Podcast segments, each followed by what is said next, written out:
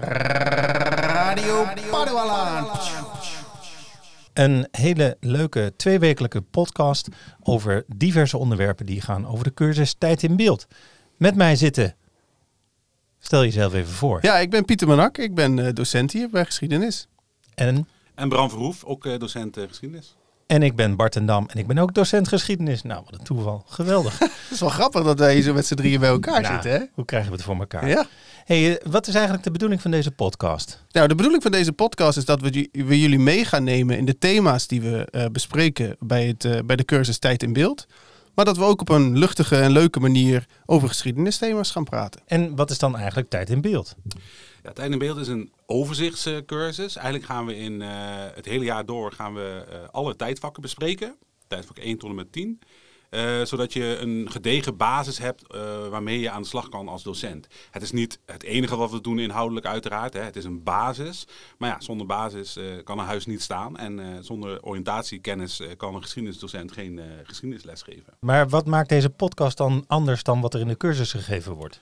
Nou, dingen die niet aan de orde kunnen komen in eh, de cursus of in het hoorcollege, eh, die kunnen we hier op een eh, andere manier aanvliegen. Het gaat ook een beetje om hoe, hoe praten we met elkaar over geschiedenis? Hè? Welke dingen vinden we interessant?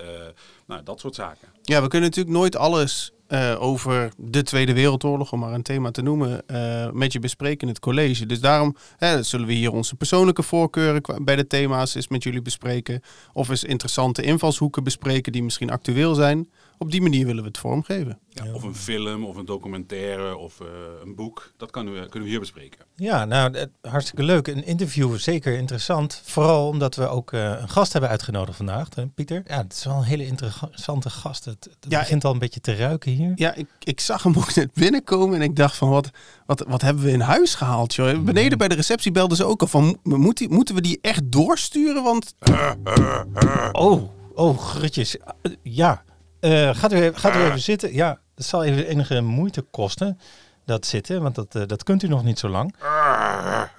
Maar eh, wilt u zichzelf even voorstellen? Oeh, eh, ja. ik kon het lastig verstaan, kunt u dat herhalen? Ik, ik, ik, ik proef een beetje Neder-Afrikaans dialect. Eh, ja, ja, ja, hij, hij knikt. Ik denk, dat, eh, ik denk dat, dat, dat dat klopt. Maar wie zit er hier bij ons dan, Bart? Nou, dit is de, de, de Eh, De hole mens. de hole mens uit de prehistorie. Jeetje. Ja, heel veel informatie kan ik er niet echt uithalen. Nee, hij ziet er slecht uit, moet ik zeggen hoor. Ja. Had zich Ja. wel even kunnen scheren. Ja. Wat, ehm, wat, wat heb je bij je eigenlijk? Oh, kijk. Hij begint, begint eh, een beetje te ketsen.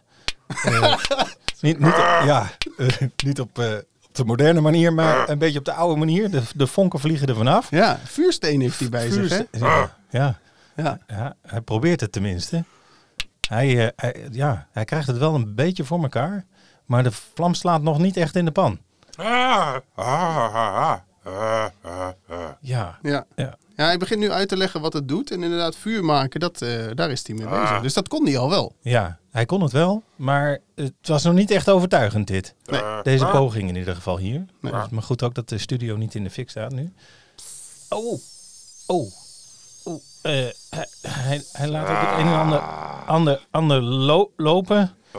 Eh, nou, dat moeten we dan ook wel. Ja, hij is nog niet echt geciviliseerd, hè? Dus eh dan wordt hij gewoon in de studio geplast nu. Ja, nou, dat leren we hem nog wel. Ja. hey, eh, ik krijg er niet heel veel uit, eh, Pieter. Nee, ik bel eh, de beveiliging wel dat ze hem weer even naar buiten escorteren. Oké, nou, zullen, we- zullen we het dan zelf maar doen? Ja. Ja, Oh, wacht lijkt- even, Bram die komt net terug. Bram, je hebt wat gemist, joh. Dat is echt Hey. fascinerend. Heb je hem zien lopen op de gang? Het is hier nat. Ja, Nou ja. ja. Ja, Nou, was- Zijn jullie al begonnen over de prehistorie? of, Ja, eh? nou, er was iemand en ja, het was fascinerend. Eh, er was een holemens hier. Ah, Het, het klonk een beetje Limburgs, wat hij, eh, wat hij zei. Ik weet niet hoe dat kan, maar het is toch fascinerend hoe die taal op elkaar lijkt, hè? Nou, jij zegt nu Limburg, maar eh, de, de eerste bewoning van Nederland was natuurlijk Zuid-Limburg. Hè?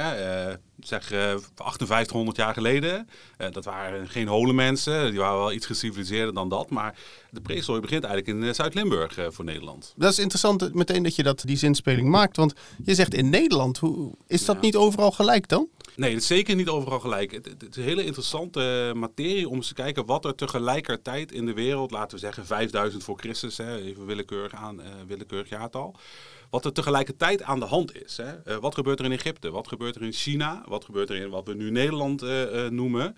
dat is allemaal zeer divers. Ja, ik was laatst in een, in een natuurhistorisch museum in Wenen. En daar was een thema ook over de prehistorie. En dan zag je mammoeten. Maar het is natuurlijk bijzonder om te weten dat er op het moment dat er nog mammoeten in Europa leven, ja, nou, een deel in Europa en in Siberië, dat er tegelijkertijd in Egypte al piramides gebouwd worden. Hè, dat is vaak eh, wat ik me als, als leerling nooit kon voorstellen, bijvoorbeeld, dat dingen tegelijkertijd gebeuren. Het is of de prehistorie, of we gaan naar de Egyptenaren, of we gaan naar de Grieken. Maar die dingen die ja, spelen gewoon tegelijkertijd zich af. Ja, ze zijn niet alleen tijdsonafhankelijk, of tijdsonafhankelijk, maar ze zijn ook plaatsonafhankelijk.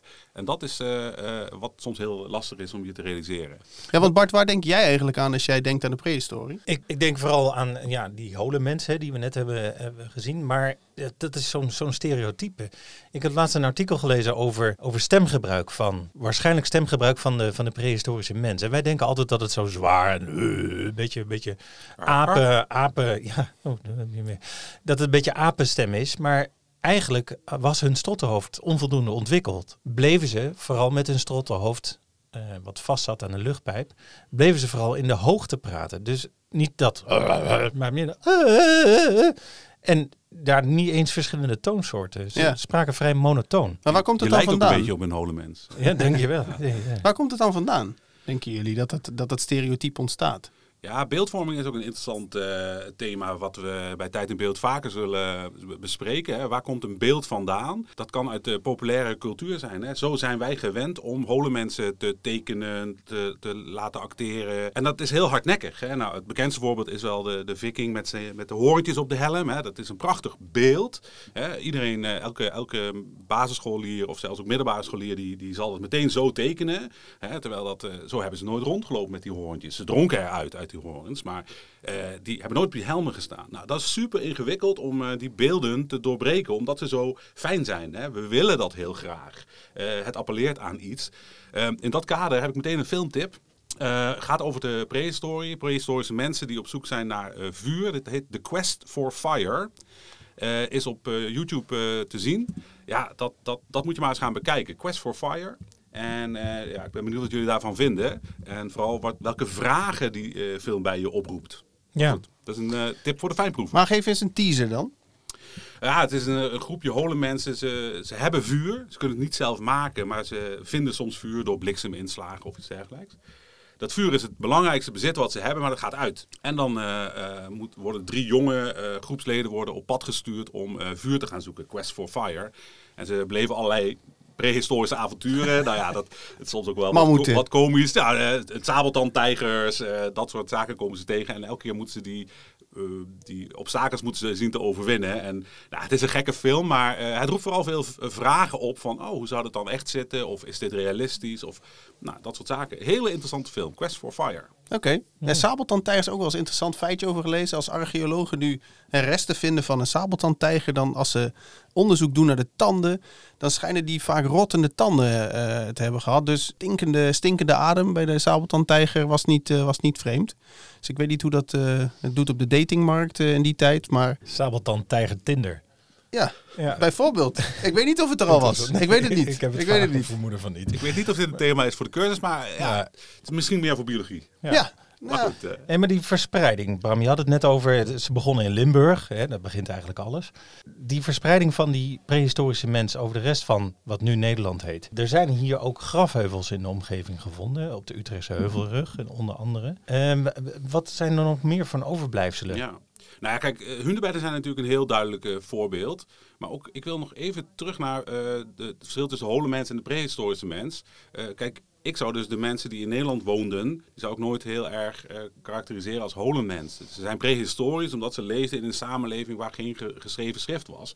Maar ze waren behoorlijk geciviliseerd. Uh, ze hadden vuursteenmijnen, uh, ze hadden keramiek, de bandkeramiek is misschien wel eens van gehoord. ze bouwden hunebedden. Nou, dat, dat is niet direct wat je met die hole mensen die we net in de studio hadden associeert. Hè. Dat was een ja, klungelaar met, met, met wat stenen en, en wat wapens misschien, uh, gereedschappen. Dus uh, dat is wel een onderscheid wat we steeds moeten maken. De prehistorische mensen in Nederland, dan moeten we niet denken aan hole mensen, maar dan moeten we denken aan een uh, ja, redelijk gecultiveerd volk, groepen die samen jaagden, soms wat landbouw deden. Hè. ze zijn prehistorisch omdat ze geen schrift hadden. Dat is eigenlijk het belangrijkste in dit geval. Ja, want jij noemt net Trechte Beker bijvoorbeeld qua cultuur. Maar je ziet ook in, in opgravingen dat, dat er ook aandacht werd besteed aan kleding en versiering. dus we moeten inderdaad een verschil maken tussen de, de holbewoners, bij wijze van spreken, en uh, de mensen die, daar, die daarna komen en die zich op een andere manier hebben ontwikkeld. En ik zeg bewust andere manier in plaats van beter. Hè. daar moeten we ook vanaf een bepaalde waardeoordelen binnen de geschiedenis. Dus we, we, kijken gewoon naar de geschiedenis vanuit verschillende perspectieven. En op die manier benaderen we de verschillende tijden ook. Maar is het, is het wel geschiedenis waar we nu mee bezig zijn? Prehistorie, prehistorie. Is het wel geschiedenis? Het gaat echt over de definitie die je hanteert. Dus voor, voor mij zou zijn het besturen van menselijke cultuur, dat is geschiedenis. Dus dinosaurussen, dat is geen geschiedenis. Dat is misschien biologie of voor mij part aardrijkskunde. Dat is geen geschiedenis, dat is geen menselijke cultuur. Maar als je de grens heel hard legt bij schrift, ja, dan begint de geschiedenis van Nederland op het moment dat Romeinen uh, bij ons uh, uh, in ons gebied aankomen. Die zijn gaan schrijven over dat gebied. Maar dan ga je dus voorbij aan alles wat daarvoor gebeurd is. Ja, dus voor mij is menselijke cultuur is het belangrijkste. Noemen we dat dan het verleden? Of hoe noemen we dat dan? Mm, nou ja, prehistorie is in dat opzicht uh, wel hanteerbaar. Omdat je dan dus zegt van ja, alles daarvoor. Alles wat, waar we resten van hebben. Waar we cultuurresten van hebben. Maar geen schrift. Dus ik, voor mij mag je dat gerust prehistorie uh, noemen. Het vindt natuurlijk allemaal in het verleden plaats. Het wordt geschiedenis op het moment dat we erover gaan nadenken. Erover gaan onderzoek naar gaan doen dingen gaan uh, vergelijken, uh, dan wordt het geschiedenis. Dan wordt het wetenschap. We zijn toch een wetenschap. Wij kunnen niet terug in het verleden om precies te kijken hoe het was. Maar wij kunnen wel, door middel van methodische werkwijze, kunnen wij gaan nadenken hoe zat het in elkaar? Hoe werkte het? En dat, als je dat nou maar methodisch doet, hè, dus op een wetenschappelijke manier, dan zijn we dus ook een, een wetenschap. Het is niet zomaar ja. verhaaltjes vertellen. Nee, maar toch zit bij, bij, bij ons vak is wel een groot deel interpretatie.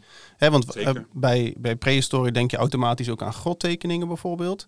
Ja, de, de interpretatie daarvan, ja, die, die verschilt gewoon. He, waarom maakte men dit? He, had het een religieus kenmerk? Had het een, uh, een, uh, was het een, een, symbool van kijk eens wat ik gevangen heb of wat ik, wat ik binnengehaald heb voor, voor onze gemeenschap? Ja, dat weten we niet. Nee. Het is eigenlijk ook wel een vorm van communiceren. Als je kijkt naar de versieringen op zo'n uh, bandkeramische een keramische uh, urn. Of nou ja, überhaupt een, een hunebed is ook een vorm van communiceren. Ja. maar dat is alleen niet in een uh, symbolische, symbolisch schrift vastgelegd. Nee. Ik vind het ook altijd fascinerend als je aan die grottekeningen denkt. Moet je eens voorstellen dat het is donker in zo'n grot, hè? Dat je dan nog een mammoet of een, een olifant weet te schilderen. Ja, ik geef het je te doen. En misschien zit er wel een beer of zo, weet jij ja. Maar misschien is dat een leuke opdracht voor college 1, joh. Doe de lamp uit thuis en teken een hert en een olifant. Ja. Je mag alleen een kaars gebruiken. Ja, ja hadden ze die dan? Uh, fakkel of zo. Of uh, Quest for Fire, ze hadden vuur. Ja, ja, ja zeker. Oké, dus we dragen de studenten op om op hun studentenkamer een fakkel. Heel goed idee. Denk ik ook. Ik denk dat je heel erg lang op je kamer woont. Uh, het is even een disclaimer op eigen risico. Ja. maar wie weet, we zien graag de, de TikTok-filmpjes voorbij komen. alsjeblieft. Oké, was dit genoeg over de prehistorie? Ja, zeker. zeker. Ja. We gaan in het hoorcollege nog uitgebreid op in. En ook in de werklezen zullen we daarover praten. Hè. De, de, of even over de cursus tijd en beeld. Ja. Het is oriëntatie, maar het gaat ook om, om jezelf nou ja, te uh, leren om, om na te denken, om vragen te stellen. Je hebt een boek, je leest dat en dan weet je iets. Maar de vragen die daarna komen, ja, die worden, dat is eigenlijk veel interessanter. dus dat zal gedurende de hele cursus, over vier periodes, gaat het daar veel over. Wat betekent dit nu eigenlijk voor mij? Wat betekent, die, pre, wat betekent die prehistorie voor mij? We gaan over twee weken gaan we een ander onderwerp behandelen. Dan gaan we de oude Grieken eh, behandelen. Ja, ik heb al een hele oude Griek uitgenodigd. Kijk. Hartstikke leuk. Ja, Interessant. een, een kleine teaser. eh, Nou, gaat- ik denk dat we Socrates of Plato gaan uitnodigen. Ja, we- een, een leuke filosoof, dat zijn makkelijke praters, dat, dat kunnen we wel gebruiken. nou, makkelijk. Ze praten veel, maar of het makkelijk is, weet ik niet. In ieder geval Ik iets waar begrijp we, het nooit. In ieder geval iets waar we wijzer van Ja. worden. Zeker. Ja. Oké, nou, Zin in. da- luisteraars, eh, dank jullie wel voor het luisteren en eh, tot over twee weken. Yes, tot dan.